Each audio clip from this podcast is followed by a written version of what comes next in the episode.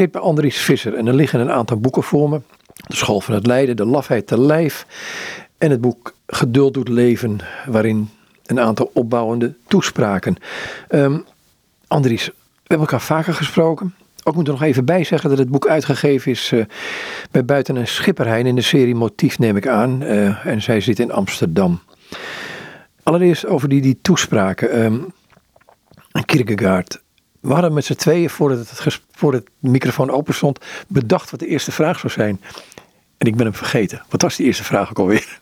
Nou, de eerste vraag is dan natuurlijk opbouwende toespraken. Wat bedoelt Kierkegaard daarmee? En dat, dat moet ik dan vragen. Nou, kijk, en, en ik zou dan meteen zeggen van, uh, waarom heeft hij die geschreven? Uh, uh, hij is toch bekend als een, als een soort filosoof. Sommigen zeggen ook theoloog. Ja, dat was hij ook. Maar hij was vooral filosoof en schrijver en psycholoog. Dus wat beweegt hem om opbouwende toespraken? Zijn dat een soort preken of zo? En wat beweegt hem dan om die te gaan schrijven? Nou, dat is eigenlijk een, een. Het verhaal gaat terug tot het begin van zijn schrijversloopbaan. Hij begint in 1843, dat boek heeft hij natuurlijk in 1842 geschreven. Dat is dat grote boek Of Of. In het Deens Enten Eller. Of Of. En dat grote boek publiceert hij in februari 1843. En korte tijd later, in mei, begin mei, het, voorwoord is gedateerd op 5 mei 1843. Nou, 5 mei is zijn verjaardag, zijn geboortedatum. En hij werd toen 30 jaar, want hij is geboren in 1813 en 1843 was hij dus 30 jaar. Hij dateert dan een bundeltje met toespraken en die noemt hij gewoon twee opbouwende toespraken in 1843. En dat verschijnt dus in mei, drie maanden na dat boek. En hij zegt, eigenlijk moet je dat zien als parallel. Die grote werken die hij schrijft, als Of-Of, maar ook soms kleinere boeken als De Wijsgerige Kruimels, het begrip angst, Vrees en Beven, een boekje over geloof, maar ook het boekje De Herhaling, dat zijn de boekjes uit 1843 en 1844. Naast dat soort filosofische en psychologische werken schreef hij dus ook een, ja, hij noemde dat opbouwende toespraken. En heel bewust geen preken. Waarom niet? Nou, ten eerste gaan ze lang niet altijd uit van een Bijbeltekst of zo. Maar zijn het onderwerpen waarmee hij probeert te landen in de werkelijkheid van alle mensen. Kijk, die pseudonieme werken, want vaak zijn die grote werken uitgegeven onder pseudoniem. Niet om zelf verborgen te blijven, dat is onzin, dan heb je er niks van begrepen. Kijk, die pseudoniemen, dat zijn persoonlijkheden. Ze zeggen ik. Ze hebben een bepaalde levensvisie en een bepaalde wereldvisie. Vanuit die visie schrijven ze. Uh, bijvoorbeeld de psycholoog Johannes Climacus. Dat is de psycholoog die dat boek Wijsgerige Kruimels heeft geschreven. Dat is natuurlijk Kierkegaard zelf. Maar die staat als uitgever op het titelblad. Maar de schrijver is Johannes Climacus. En die Climacus die zegt, ja luister eens, ik heb gehoord dat er is zoiets als christendom. Maar ik hoor daar niet toe. Maar ik ben er wel in geïnteresseerd. En ik ben erin geïnteresseerd als filosoof. Op die manier schept hij dus pseudoniemen. Voor het begrip angst heeft hij Vigilius Haufniensis. Dat betekent de waakzame van Kopenhagen. Die figuur heeft hij in het leven geroepen als een psycholoog. Hij noemt hem ook een psycholoog. Die met zich bezighoudt met dat vraagstuk van de angst, de menselijke angst. Daarom is Kierkegaard heel zijn tijd ver vooruit. Want in 1844 publiceert hij dat boek. En dat is het eerste boek wat er ooit in de westerse wereld over angst gepubliceerd is. En het heeft nog 80 jaar geduurd tot Freud, hè, Sigmund Freud, voordat er weer een boek over angst komt. Daarmee is hij zijn tijd ver vooruit. Maar voor hem was het belangrijk, want hij wilde nadenken over het probleem van het menselijke kwaad. En hij was ervan overtuigd dat de angst daar een belangrijke rol bij speelde.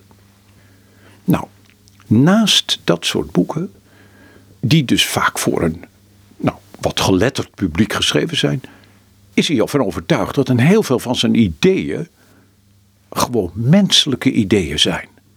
En heeft hij dus gezocht, hoe kan je daarover schrijven voor zo'n veel grotere groep mensen? Dus mensen, eigenlijk iedereen.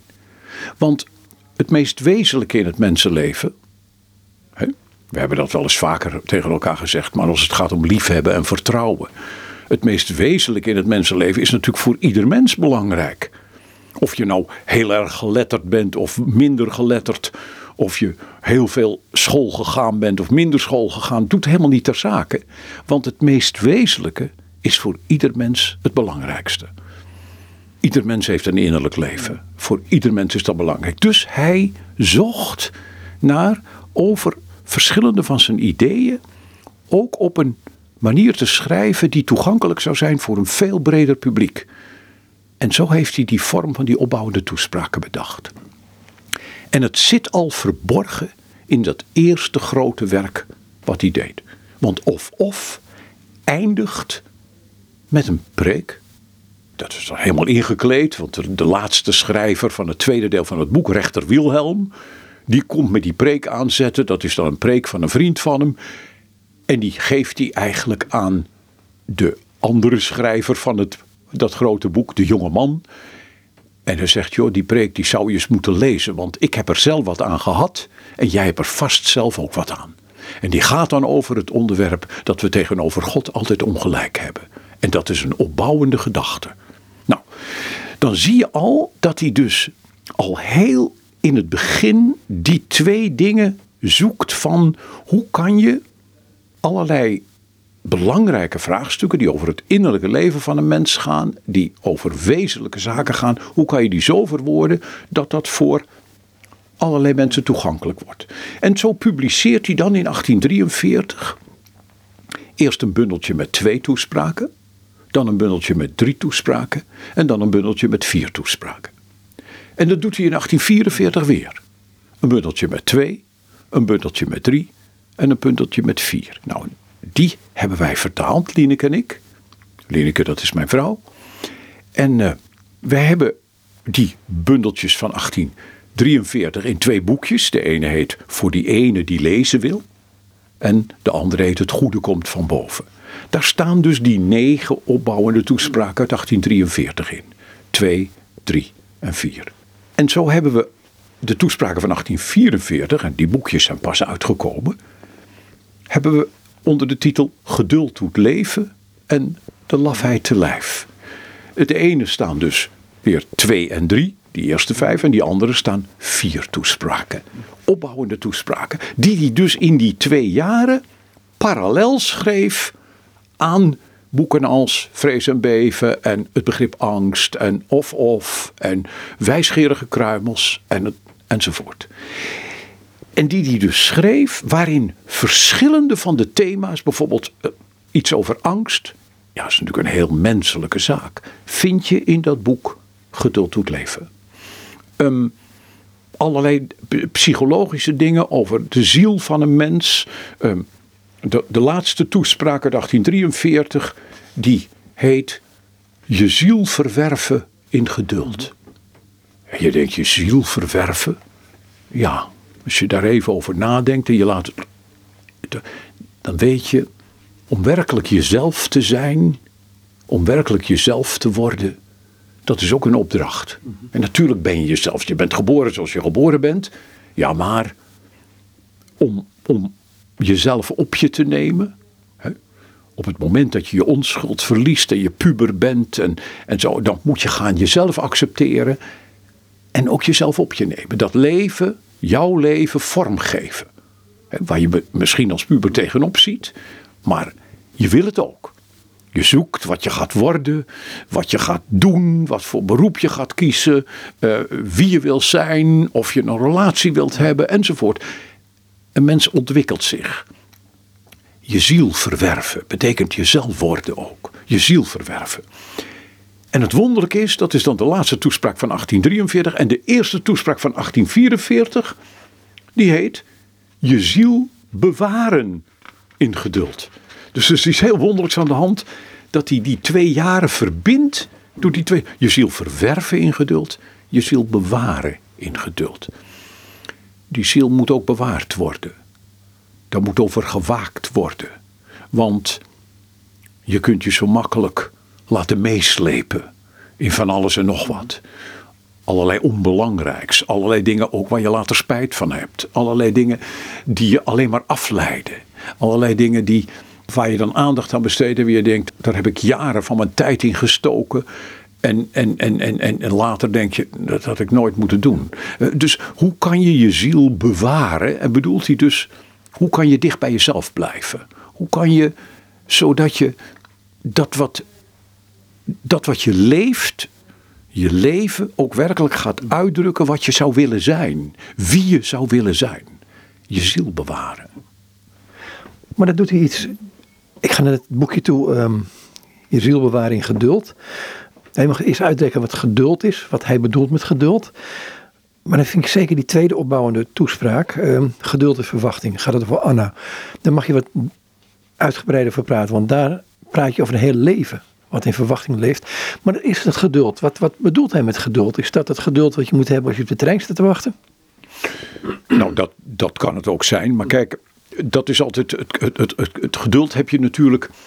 Je, als je het hebt over je ziel bewaren in geduld, dan, uh, dan is het eigenlijk iets van je innerlijk, waarbij het geduld het doel ook is.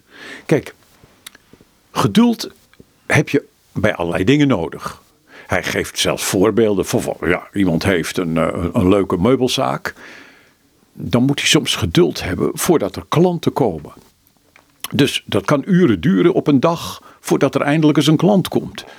Ja, dan moet je, heb je geduld voor nodig. Als je met een hengel gaat zitten vissen, dan heb je geduld nodig. Want je, ja, jij kan niet uitmaken wanneer die vis gaat bijten natuurlijk. Als jij een, met een onderneming start of met een studie, dan heb je ook geduld nodig om ja, uren te maken, boeken te lezen, uh, uh, dus je eraan toe te wijken. Dan is geduld een soort mechanisme waardoor je iets verkrijgt, zal ik maar zeggen. Maar geduld op zich kan ook een doel zijn. En daar bedoelt hij dit mee. Kijk, je ziel bewaren in geduld. Je gaat nooit je ziel bewaren als je ongeduldig bent. Je, dus op een of andere manier geduldiger te worden, ten opzichte van jezelf ook, maar ook ten opzichte van anderen, dat is ook een ontwikkeling. En dat is eigenlijk wat hij daar bedoelt. Je ziel bewaren in geduld, dat is. Nou, we weten allemaal wat het betekent om iets te bewaren. Als je bijvoorbeeld iets kostbaars hebt. En dat wil je ergens bewaren, dan zoek je een plek waar je het kunt bewaren en waar het kan liggen. Maar zo bewaar je je ziel niet. Je ziel bewaar je terwijl je leeft. Dus terwijl je elke dag leeft, heb je die ziel dus eigenlijk bij je. Maar ja, niet als iets, als een grote kostbaarheid. Want als jij iets heel kostbaars hebt, dan soms ben je zo bang om het ergens op te bergen, omdat het dan gestolen kan worden of zo. Dan ga je het om je nek hangen. want ik, ik heb wel eens in het buitenland gereisd. En dan had ik, eh, had ik een, een, een ding onder mijn overhemd op mijn buik, maar onder mijn overhemd. En daar zat mijn geld en, en, en daar zaten mijn papieren in. Nou ja, ja, wat moet je het anders bergen? Dus dan hou je het maar dicht op je lijf. Maar als je iets kostbaars hebt en je moet het altijd zo bij je dragen, dan word je alleen maar onzeker van. Want ja, dan kan je natuurlijk makkelijk door iemand beroofd worden. Maar zo is het met je ziel natuurlijk. Je ziel heb je altijd bij je, maar die bewaar je niet op die manier. Je bewaart hem door er aandacht aan te besteden. Door met je innerlijk bezig te zijn. Door geduld. Door altijd weer ruimte daarvoor te maken. tot stilte te komen. Jezelf vragen te stellen. over bijvoorbeeld je relaties tot anderen. Van, heb ik dat goed gedaan? Of heb ik daar spijt van? Had ik dat anders willen doen? Dat is altijd een proces ook van nadenken tot jezelf komen. En tot jezelf komen, dat is ook tot je ziel komen. En dus ontdekken van nou, ehm, daar wil ik nog eens over nadenken of ik dat goed gedaan heb. En dat wil ik Als ik ontdekt heb dat, van, dat had ik eigenlijk anders willen doen, dan wil ik dat ook ten, ten opzichte van die ander zeggen. En wil ik het voor mezelf helder hebben, hoe had ik dat dan willen doen? Dat is een groeiproces. Ieder mens leeft een leven lang in een groeiproces. Nou, dat is wat hij bedoelt. Je ziel bewaren in geduld, dat is jezelf worden. Tot jezelf inkeren. Rust en tijd te nemen om tot jezelf te komen. Ik ken iemand, het is helemaal niet, niet, een, heel, niet een, christelijk iemand, zal ik dan maar zeggen. Iemand die zo nodig. Nee, maar die zei altijd. Uh, altijd aan het eind van de dag. Dan neem ik even rustig de tijd om over de dag na te denken. En na te denken wat er, hoe het gegaan is. Ook over mijn eigen rol op die dag na te denken. En daar stilte en rust voor te nemen. En je voelt meteen, daar zit dat woord geduld op de achtergrond. Want daar heb je enige geduld voor nodig. Rustig daar de tijd voor te nemen. En het wonderlijke is, zegt hij dan, dan verwerf je ook geduld. Dus je hebt er geduld voor nodig, maar je verwerft het ook. Dus op een of andere manier is dat je ziel bewaren in geduld. Ja, dat, dat gaat ook samen. Gaat ook samen. Geduld is ervoor nodig en geduld levert het je op. Je komt tot een zekere langmoedigheid. Ja, langmoedigheid betekent lang van gemoed. Dus, dus je kunt een groter geduld leren. Heeft het ook te maken met um, wat ik uit zijn, uh, wat het boekje meen op te merken, dat geduld dus, nog geen geduld oefenen, kan je dus heel erg naar de toekomst, naar het verleden gaan, gaan hangen. Dingen die je nog doen moet. Terwijl geduld ook te maken heeft met het nu. Met hoe ik nu in het leven sta. Nou ja, kijk, ongeduld, dat, is precies tegenovergesteld. Dat hebben we natuurlijk gauw. Als het om de toekomst gaat of het verleden. Ongeduldig van, nou ja, het is nou eenmaal voorbij, uh, laat maar zitten. Of de toekomst van, je, je dan, het moet maar zo snel mogelijk gebeuren. Hè? Ja, dan ben je in beide gevallen uit het nu weg. En geduld is ook, laat de toekomst nou maar op je afkomen. En natuurlijk eh, eh, eh, moet je beslissingen nemen, dat is heel belangrijk. Besluit nemen is voor gaat een van de belangrijkste dingen. Hè? Dat je besluit neemt en daar ook voor instaat. Maar ook dan, om een besluit uit te voeren, heb je weer geduld nodig. Dus altijd, en ook naar het verleden. Kijk, als je zegt, denk daar maar niet meer aan. Nou, dat is je kop in het zand steken als een struisvogel. Juist bij jezelf komen, je ziel bewaren, betekent ook nadenken over hoe is het gegaan en ben ik tevreden daarover. Heb ik die ander in de relatie bijvoorbeeld, heb ik die ander recht gedaan? Ben ik eerlijk geweest? Om maar eens iets, een hele vraag, en dus niet zo'n simpele vraag. Ben ik eerlijk geweest naar de ander bijvoorbeeld?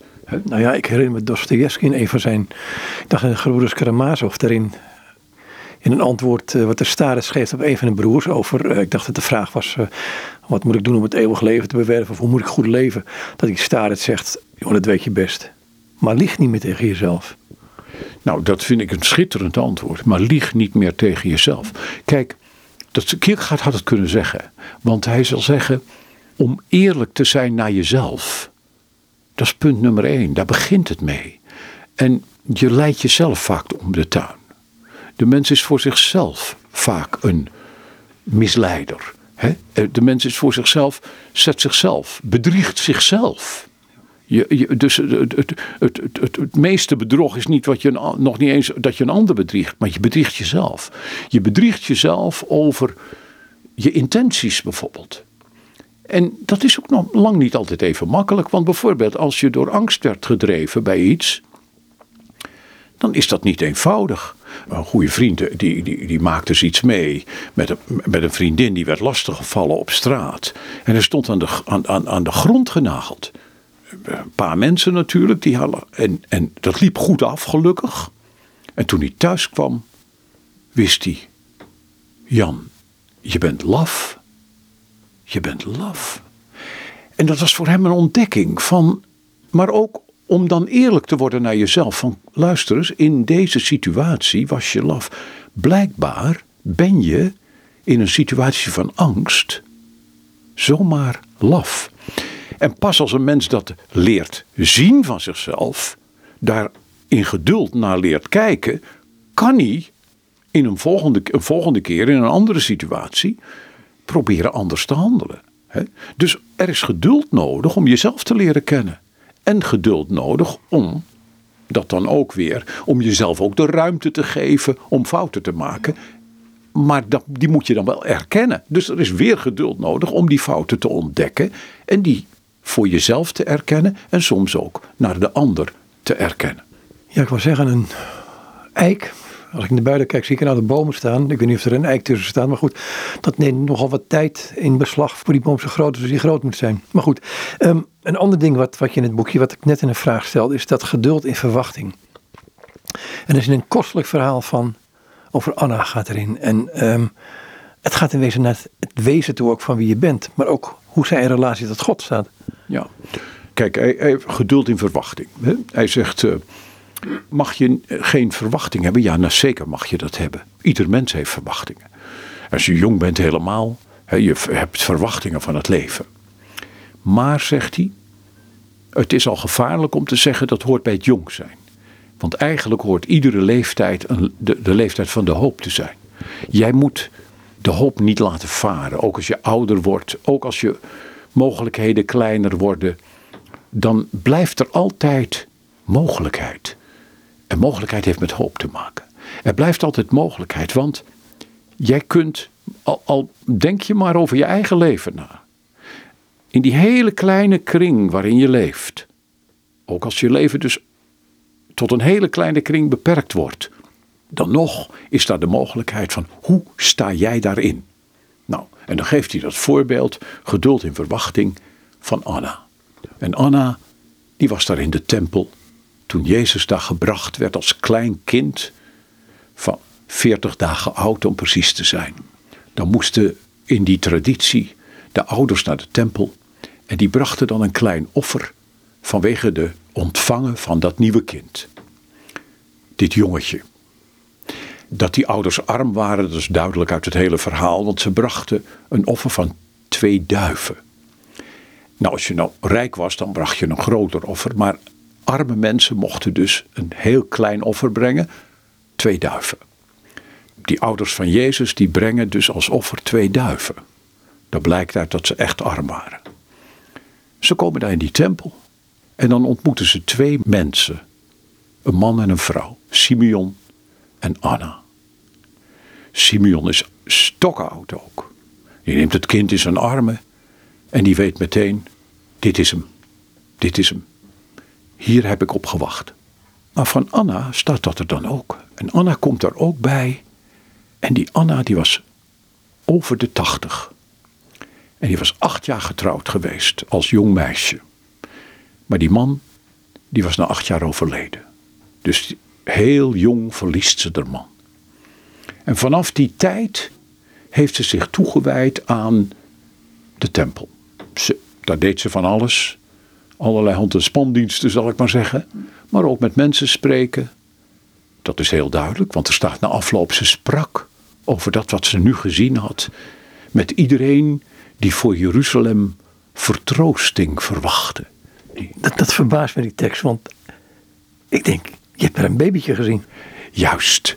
Ze heeft een baby gezien en zij heeft geweten, dit is de Messias. Dit is de Messias. Dit is de beloofde Messias. En dit is de, de vertroosting waar we op wachten, hebben opgewacht. En natuurlijk heeft ze niet geweten dat zij dit zo zou meemaken. Maar ze heeft altijd in die verwachting. Daarom staat er, zij sprak tot allen die voor Jeruzalem vertroosting verwachten. Dus er was een groep mensen die verwachten die Messias.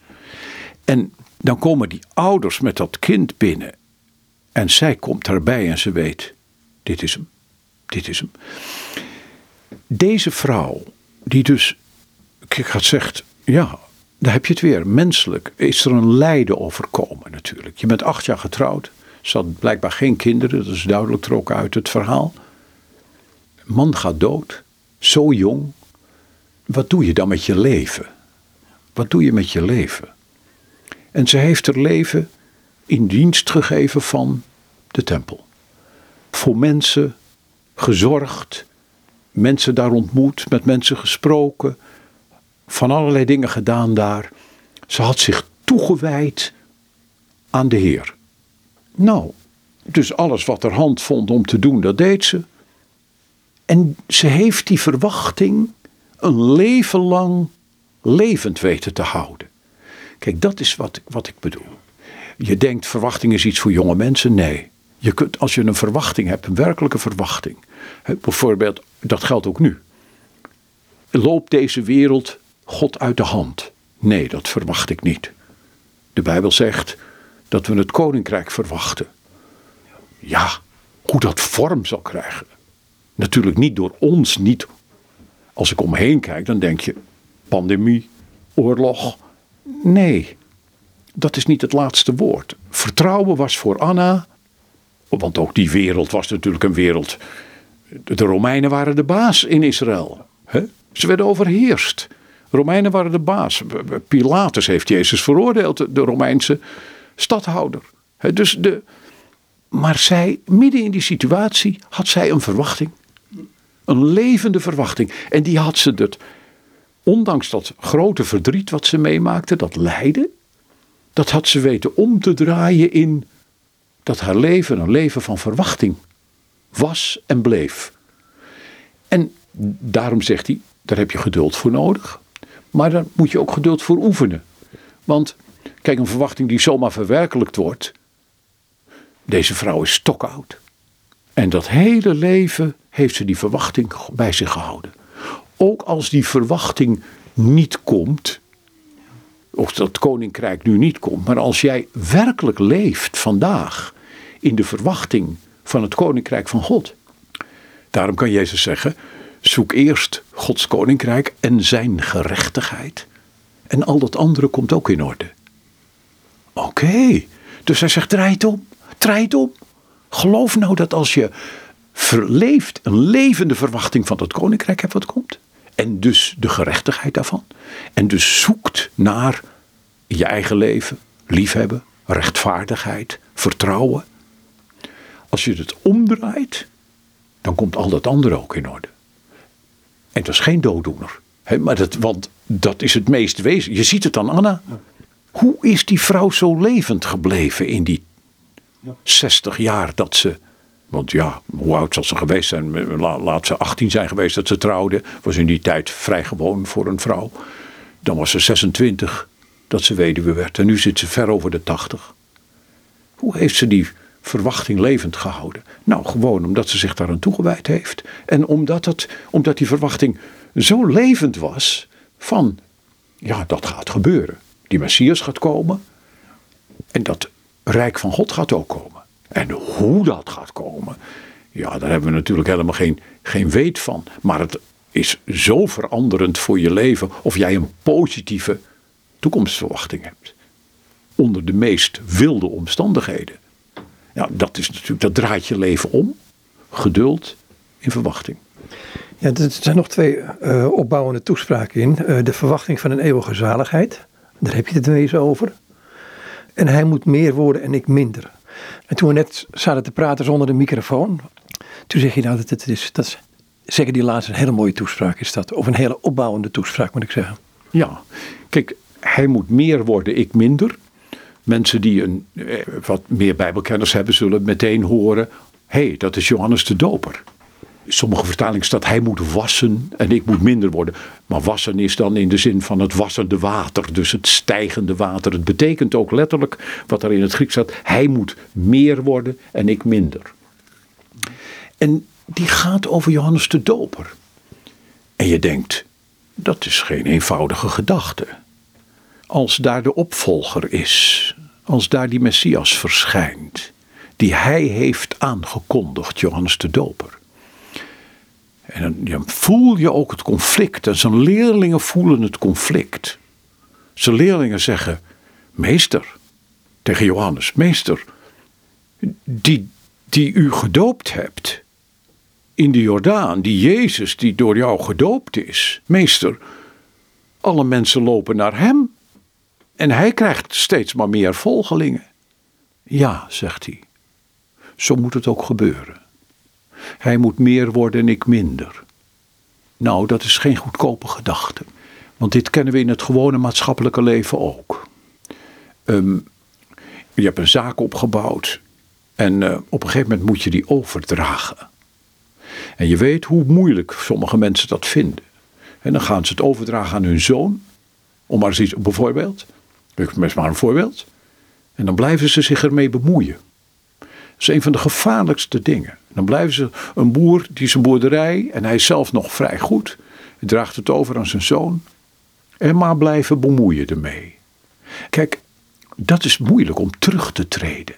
Om dan werkelijk te denken: oké, hij moet meer worden en ik minder. Dat is wat Johannes. Maar dan zegt hij: kijk, wie de bruid heeft, is de bruidegom. Je denkt eerst, waar wil hij heen? Die de bruid heeft, is de bruidegom. Dus die Jezus, dat zou dan een soort bruidegom. Ja, zegt hij. Maar de vriend van de bruidegom, die erbij staat, die is blij met die bruidegom. Oké. Dus hij beschouwt zichzelf niet als, als een of andere Jan Doedel. Hè? Maar hij is juist heel erg belangrijk. Hij is de vriend van de bruidegom. Kijk, je moet het met een huwelijk vergelijken. Jouw beste vriend die trouwt met een bloedmooie vrouw. Misschien, jij bent nog alleen, maar het is je beste vriend. Misschien ben je zelfs al een beetje jaloers, omdat hij zo'n vrouw heeft getroffen. Mooie vrouw en ook een aardige vrouw. jij vindt haar ook nog mooi en aardig. Maar als je werkelijk vriend bent, dan gun je hem de bruid. Dan denk je, ik ben blij voor hem. Dan vier je met hem feest om dit. Nou, dat is het beeld wat Johannes oproept. Hij zegt, ik ben de vriend van de bruidegom. En ik sta erbij. En ik ben blij. Deze mijn blijdschap is vervuld, zegt hij. Dus het is een totale vreugde. En dan zegt hij, hij moet meer worden en ik minder. Ah, dat is het accepteren van, luister eens. Natuurlijk, je hebt de opgaande zon en je hebt de ondergaande zon. En de meeste mensen willen liever de opgaande zon zijn dan de ondergaande zon. Maar voor ieder mens komen die momenten waarop jij de ondergaande zon bent. En hoe sta je dan in het leven? En zeker hier kun je dan het, het licht zien schijnen voor de ander. En kun je dan zoals Johannes terugtreden op een manier die feestelijk is. Wetend van zijn eigen grootheid. Want Johannes is natuurlijk de grootste die uit mensen geboren is, zegt Jezus. dus ik bedoel, Johannes was een groot man. Mensen denken vaak dat hij een soort bescheiden uh, uh, man in de woestijn was. Dat was hij ook. Maar als hij zegt, als ze vragen wie ben jij? Dan zegt hij, ik ben de stem van een die roept in de woestijn. Bereid de weg van de Heer. De stem van een, als je naar die profetie gaat, dan ontdek je dat is de stem van de Heer zelf. Hij is de stem van de Heer, die daar roept in de woestijn en die de mensen dus oproept om, om tot inkeer te komen. Dus Johannes wist wel wie die was. Die leed niet aan een of andere zelfonderschatting. Ook niet aan een zelfoverschatting. Maar hij wist gewoon wie die was. Hij was de stem van een die roept in de woestijn. Bereid de weg van de Heer. Dat was de grootste. Maar hij kon ook terugtreden. Hij kon ook, en dat is wat ieder mens moet leren in zijn leven, om terug te treden. Om ruimte te maken, al is het maar de ruimte voor je kinderen. En ze niet voor de voeten te willen blijven lopen. Ruimte te maken. Ruimte te maken voor de ander. Dat is geen gebrek aan grootheid. Nee, het is omgekeerd. Wie ruimte kan maken voor een ander, dat is juist een teken van grootheid. Dan komt de vraag, hoe doe je dat? Want kijk, het is, het is één ding om dit te zeggen. De praktijk, je hebt er wat van gezegd. Maar als ik naar mijn innerlijk kijk, dan kun je ook met een soort arrogantie bijna ruimte maken voor de ander. Ja, arrogantie, zeker. Maar dan is het in wezen zo dat jij jezelf als groter beschouwt dan die ander. En jij maakt enige ruimte. Maar kijk, het gaat hier om natuurlijk wie werkelijk overtuigd is van wat hem zelf is gegeven. En dus wie die zelf mag zijn, die kan ook ruimte maken voor een ander. dus die, dan valt arrogantie weg. Want weet je, op het moment dat je jezelf mag zijn en jezelf kunt zijn, is er geen sprake van arrogantie meer. Want dan is die ander net zo belangrijk als jij.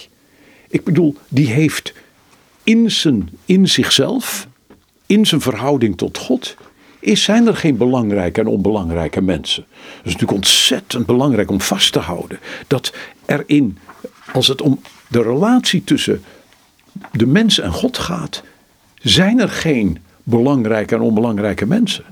Als het om de meest wezenlijke dingen van het leven gaat, hebben we toen straks gezegd. Daarom heeft hij die opbouwende toespraken geschreven. Omdat hij weet, luister eens, de dingen die wezenlijk belangrijk zijn, die zijn voor alle mensen belangrijk. Geloof, vertrouwen, liefhebben, dat is voor ieder mens belangrijk. Tot inkeer komen, je ziel bewaren, dat is voor ieder mens belangrijk. Uh, tijd nemen, geduld ontwikkelen, dat is voor ieder mens belangrijk in iedere situatie.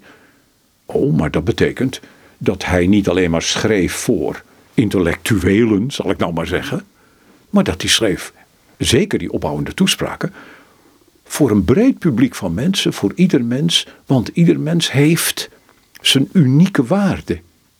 Ieder mens is wat Kierkegaard noemt de enkeling. En alle voorwoorden van deze zes boekjes, zeg maar, uit die eerste twee jaar, alle voorwoorden komt hij terug op dat thema van de enkeling. De enkeling, dat is die mens die dit boekje neemt en die het voor zichzelf leest. En hij zegt, hij doet eigenlijk meer dan de schrijver. Hoezo? Dat is geen valse bescheidenheid van Kierkegaard. Natuurlijk heeft hij dat vaak prachtig geschreven. Maar als je iets heel moois schrijft, dan heb je het geschreven en daar ligt het dan. En iemand kan dat boekje kopen. En iemand kan er trots op zijn, zegt ik heb een boekje van Søren Kierkegaard gekocht. Nou, mooi hoor. En je zet het in de boekenkast. En daar staat het dan. En je laat de mensen zien dat jij een boekje hebt van Søren Kierkegaard. En wat heb je eraan? Niets. Wat gebeurt er? Niets. Wanneer gaat er iets gebeuren? Nou, zegt hij, ik zou graag willen dat je hardop leest voor jezelf. Want als je het hardop leest, dan moet je eens doen, dan, dat heeft een bijzonder effect. Als je hardop leest, is het net alsof er iemand tegen jou spreekt. En die, die persoon die tegen jou spreekt, die zegt jou dat. dat die zegt niet iets wat Søren Kierkegaard zegt, maar die zegt iets tegen zichzelf. Jij doet die woorden ineens leven, zegt hij. Dus die lezer, die enkeling, die doet voor zichzelf wat ik niet doen kan, zegt hij. Ik kan schrijven, maar dat dat woord gaat spreken tot jou, daar kan je alleen zelf voor zorgen. Aha. Dus die doet iets belangrijkers dan die schrijver, zegt hij. Want dat wat die schrijver niet kan, die is onmachtig, die gaat ook weer weg. Jij koopt dat boekje. Nou, dat heeft hij gekocht. Ik weet niet eens dat jij het gekocht hebt, zal hij zeggen. Want wie die enkeling is, ja, dat weet ik niet. Maar die enkeling, dat is die mens die voor zichzelf leest. En die zichzelf laat aanspreken. En in dat aangesproken worden gebeurt er iets. Dat is wat hij op het oog heeft. Dat is die enkeling die leest en die zo belangrijk voor hem is, maar die, die, waarvan hij niet weet wie het is. En zo is het nu, nu nog steeds. Wij vertalen die toespraken en je bent je ervan overtuigd, je bent ervan overtuigd, er moet iemand komen die dat boekje oppakt en die dat voor zichzelf gaat zitten lezen. En voor wie dat dan betekenis krijgt, zodat het zijn een, een, een richting geeft, dat het hem perspectief geeft, dat het hem een weg wijst. Hè, waar we, een, een weg soms vanuit het lijden bijvoorbeeld, of vanuit de moeite, maar ook een weg in een wereld die onzeker is van hoe, hoe vind ik iets wat mij opbouwt. Daarom zijn het opbouwende toespraken. Hoe vind ik iets wat mij opbouwt, wat mij richting wijst. En dat kun je alleen jezelf geven door die toespraak te lezen. Het andere boekje, De Lafheid te Lijf, um, dat zijn vier opbouwende toespraken. En het begint hij met God nodig hebben is voor de mens de hoogste volmaaktheid. Wat heeft dat met lafheid te lijf, te lijf gaan te maken? Nou, kijk, die titel is natuurlijk gekozen. Je kiest altijd een titel voor zo'n boekje. Hè? Hij noemt het gewoon vier opbouwende toespraken. 1844. Ja, dat wordt een beetje. eh, dus wij hebben bij, on- bij de boekjes, ik, ik noemde dat al. Die, het eerste boekje noemen we voor die ene die lezen wil. En je begrijpt meteen, zijn eerste voorwoord heeft hij het over die enkeling, die ene die lezen wil, die voor zichzelf lezen wil. Dus hebben we heel bewust daarvoor gekozen, omdat dat het uitgangspunt van de serie is. Maar daarna, tweede boekje heet bijvoorbeeld Het Goede Komt van Boven. Daar staan twee toespraken in onder die titel, Het Goede Komt van Boven. En hebben we die titel gekozen. In dit boekje staat dat is het laatste boekje van 1844, dus het zesde boekje eigenlijk. Een toespraak die heet Tegen lafheid. En omdat in die andere toespraken ook het thema moed en lafheid en trots ook wel terugkomt, hebben we dat als titel voor het boekje gekomen, gekozen, De lafheid te lijf. Maar in die eerste toespraak, God nodig hebben, is voor een mens de hoogste volmaaktheid. Kijk, dat is te ontdekken. Ja, is dat nou zo erg om God nodig te hebben? Nee, het is, veel, het is heel anders. Hij zegt, alle mensen hebben God nodig. Je hebt God altijd en overal bij nodig. Ook als je je dat niet bewust bent. Het is dus ook helemaal niet zo van, oh, nou gaan we, we, we moeten vooral ons bewust zijn dat we God nodig hebben. Nee, hoe dichter je bij jezelf komt, hoe meer je gaat ontdekken dat je God nodig hebt. Want dat is voor de mens de hoogste volmaaktheid. Kijk, ten opzichte van God. Ik heb wel eens eerder gezegd, als een mens alleen voor God komt te staan, ja, dan ontdekt hij zijn eigen schuld. Dan is hij nooit onschuldig. Zo is het ook als je voor God komt te staan, als God machtig is. We zeggen almachtig, maar dat is natuurlijk een beetje een raar woord. Maar je bedoelt toch, als God werkelijk schepper van hemel en aarde is. En je gaat je dat realiseren. En je komt tegenover God te staan. Ja, dan is die mens, dan voel je dan voel je je klein. Maar dan niet. Het wonderlijke is dat je er toch mag zijn. Dus er is eigenlijk iets, eigenlijk ben je niets. Vergelijk al- als het om God gaat, één mens ten opzichte van God. Als je je dat werkelijk realiseert, dan verdwijn je. Niet eens een druppel aan de emmer. Je verdwijnt gewoon in het niets. Hè? Maar dat is het wonderlijke. Kijk, dat is de, de, de macht van de grootheid van God. Kijk, als je werkelijk groot bent. We hebben het toen straks even over die arrogantie gehad. Arrogantie, dat is geen werkelijke grootheid. Als je werkelijk groot bent, dan kun je iedereen ruimte laten. Kierkegaard zegt ergens, als je werkelijk eigenheid hebt en overtuigd raakt van je eigen eigenheid, dan kun je ruimte laten voor de eigenheid van een ander. Want dan mag die ander er zijn. En dat is het wonderlijke van het feit dat God liefde is. Kijk, als je denkt aan Gods macht, dan denk je, er is eigenlijk geen ruimte voor een mens. Want die mens is niks. Een flow, zou je zeggen. Ja, niet eens. Maar het wonderlijke is als je lief hebt. Als het om de liefde gaat. De liefde geeft ruimte. God geeft dus ruimte. Je mag gewoon jezelf zijn. Met, in die vergelijking met God ontdek je, ja, ik, je bent totaal afhankelijk. Wie dat niet ontdekt, die heeft het nog nooit tot zich door laten dringen. Als het om deze wereld gaat, als het om het tijdelijke gaat, als het gaat om wat op je afkomt, dan is alles onzeker.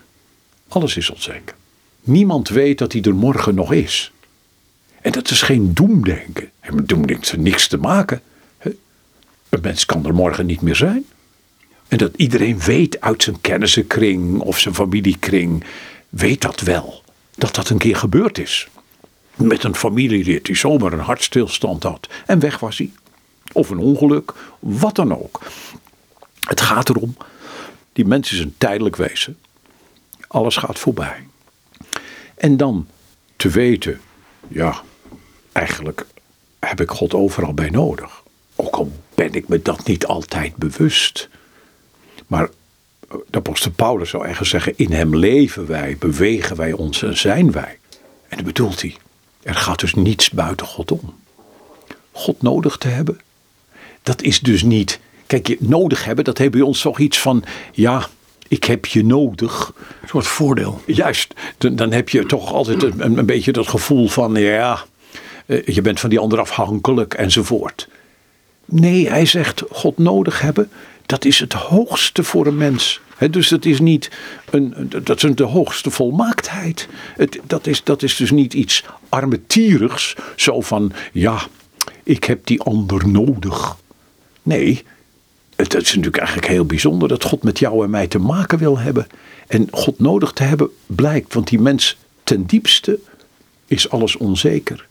En heeft hij dus eigenlijk niets in te brengen, zal ik maar zeggen, als het om, om, het leven gaat en de toekomst. Maar God wil met jou te maken hebben. En dat is niet iets armetierigs, maar dat is iets groots. Dat is eigenlijk het grootste wat er is. Dat een mens God nodig heeft. Dat is een volmaaktheid, zegt hij. Dat, dat, dat hij is naar het beeld van God geschapen. En God is geest. En het meest wezenlijke van een mens is dus dat hij geest is. Ik heb de neiging het citaat te herhalen wat ik vorige keer al gedaan heb van uh, Job 7. Waarom acht u de mens zo hoog? Waarom krijgt hij al die aandacht van u? Elke ochtend drinkt u zich aan hem op. Maar goed, dat laat ik even voor, voor wat het is. Ik ga naar die lafheid toe. We hadden het net, toen we koffie dronken, even over. Als je naar deze maatschappij kijkt en je ziet wat er gebeurt, lijkt wat er gezegd wordt, alle schaamte voorbij. En dan komen wij christenen en ergens zit er iets van, iets ongemakkelijks. Iets ongemakkelijks? Ja, iets, iets waarvoor we ons schamen. Het, het, het uitkomen voor, het, gewoon het trots zijn op je christen zijn. Het trots zijn op Christus. Ja, nou ja, kijk, er zitten wel twee kanten aan. Want er is in het christendom wel heel veel, vaak, waar je denkt, dat zou zo niet moeten zijn. Kijk, Kierkegaard heeft bijvoorbeeld zelf behoorlijk gebotst met de kerk van zijn dagen. Dat was een uh, staatskerk in Denemarken. Eigenlijk ja, er was een kleine Joodse gemeenschap. Er, waren een paar katholieken, maar echt een handjevol. En uh, er kwam iets van uh, een, een, een, baptisme op in Denemarken, maar dat werd uh, door de, met de politie nog achtervolgd, zal ik maar zeggen. Als mensen hun kind niet lieten dopen, dan werd het door de politie van huis gehaald en werd het, er was een dwangdoop, werd het kind gedwongen gedoopt. Nou, dat is de situatie. Dus een, een zogenaamd christelijke maatschappij en een volkskerk, een christelijke volkskerk. En Kierkegaard ontdekte die bestaande christenheid. Dat is eigenlijk zo foos. Zo, heeft zo weinig met de navolging van Christus te maken. Dus er is, er is altijd ook een, een kant aan van ja, dat dat christendom uh, ook iets is waarvan je denkt, ja, daar zou je eigenlijk voor moeten schamen. Want dat heeft niets met de navolging van Christus te maken. Of mensen slaan elkaar met dogma's om de oren, leerstellingen. En als je dat niet precies zo gelooft, dan hoor je er niet bij. Nou, goed. Kierkegaard heeft een enorm conflict met de staatskerk gekregen op een gegeven moment vanwege dit soort, uh, ja, ik zal maar zeggen, schijnchristendom. Maar als het gaat om de, om de persoon van Jezus Christus, als het gaat om de navolging van Christus, daar is niets om je voor te schamen. En dan is het lafheid om daar niet vooruit te willen komen. Want het, kijk, het meest wezenlijke is dus de navolging van Jezus. Voor Kierkegaard ook. Dus daarom maakt hij bijvoorbeeld onderscheid tussen christendom en christenheid. Christendom is dat wat met de navolging van Christus te maken heeft. Christenheid is wat de mensen ervan maken. Zo'n christelijke wereld waarin die leefde. En waarvan die dacht, jongens, het heeft, er, het, het heeft er niet eens naast gelegen, zal ik maar zeggen. Dus als het gaat om lafheid, dan is het niet alleen maar schaamte voor het christelijke bijvoorbeeld. Nee, juist niet. Het gaat om, het gaat om breder. Kijk, in de maatschappij ook Mensen zijn bijvoorbeeld trots, maar dan zegt hij: trots, dat kan dan nog wel. Dat vinden mensen nog een beetje acceptabel. Maar heel veel trots is in wezen lafheid. Dat legt hij uit in die toespraak. Hij legt uit, heel veel trots is in wezen lafheid. Want wat is trots? Nou, dan wil je je verbinden hoogstens met mensen van jouw soort. Ja? Je, je staat je voor op iets wat eigenlijk zo dun is als het maar zijn kan. Ja? Iets tijdelijks. Jouw begaafdheid, jouw macht, jouw inkomen, eh, jouw huis, jouw bezittingen. Eh, je bent trots op iets.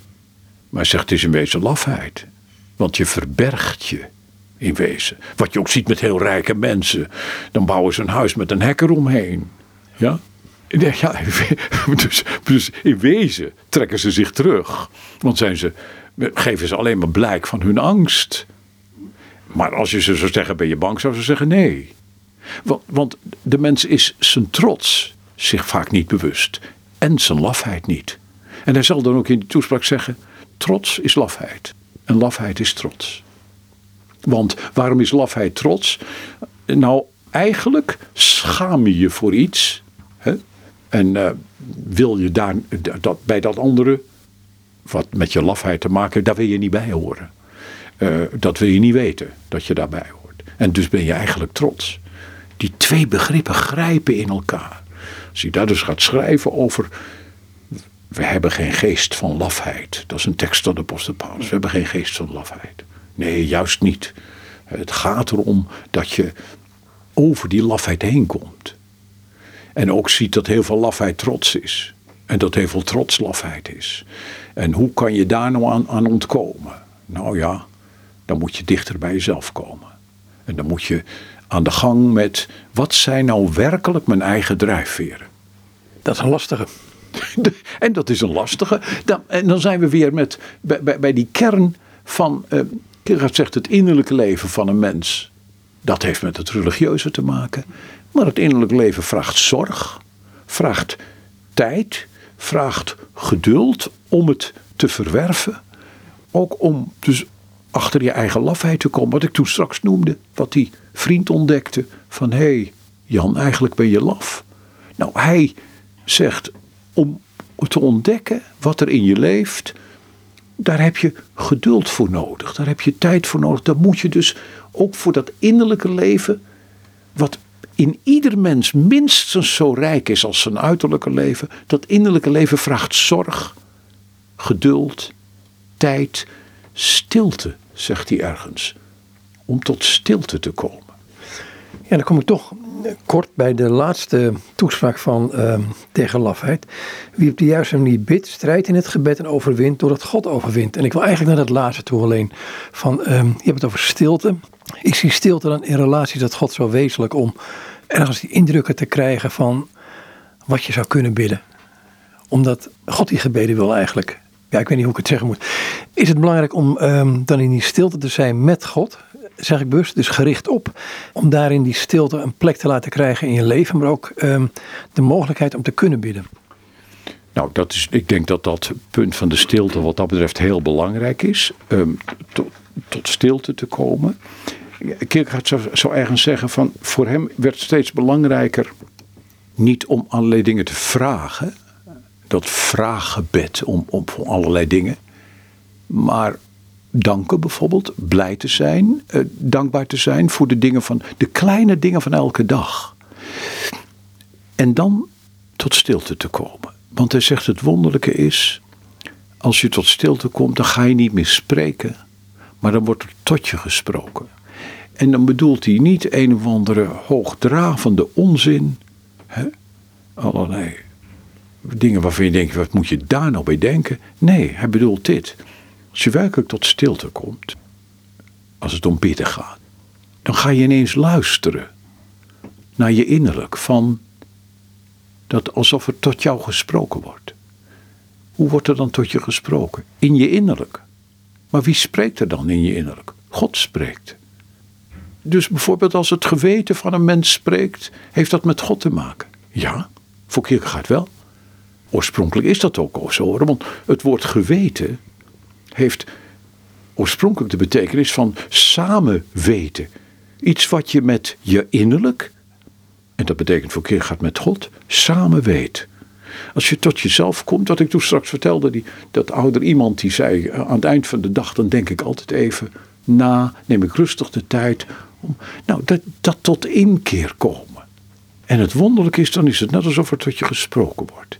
Iemand zegt, je zegt, dat had je zus moeten doen. Oh, dat moet je, schrijf het even op. Schrijf het even op voor jezelf. Morgen ga je dit doen. Want dat moet je even in orde maken. Wonderlijk is als je tot stilte komt, dan wordt er tot je gesproken. Dan verneem je die stem in je innerlijk. En dus niet iets wat wij uitgevonden hebben. Socrates zegt het al, 400 voor Christus. Er is een stem in hem en die spreekt tegen hem als hij tot stilte komt. Dus niet van bovenaf hoor je ineens een stem. Nee, in dat tot stilte komen ervaar je dat er tot je gesproken wordt. En dat, er, dat het wat er tot je gezegd wordt speciaal voor jou bedoeld is. God spreekt. Dat is het wonderlijk. Zijn we dan weer terug bij het begin van het boekje over geduld. Het geduld is niet iets van morgen, van gisteren, maar van nu in die relatie.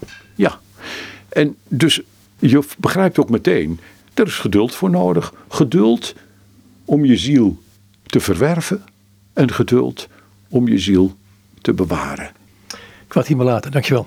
Graag gedaan. En dit is Andries Visser en met hem was ik in gesprek over een tweetal boekjes die voor me liggen. De lafheid te lijf en Geduld doet leven. Uitgegeven in de serie Kierkegaard Toespraken. Door uitgeverij Buiten en Schipperheijn Motief in Amsterdam. De teksten zijn van Søren Kierkegaard. En de boekjes zijn vertaald door Nieneke Buis en Andries Visser. En met Andries Visser was ik in gesprek.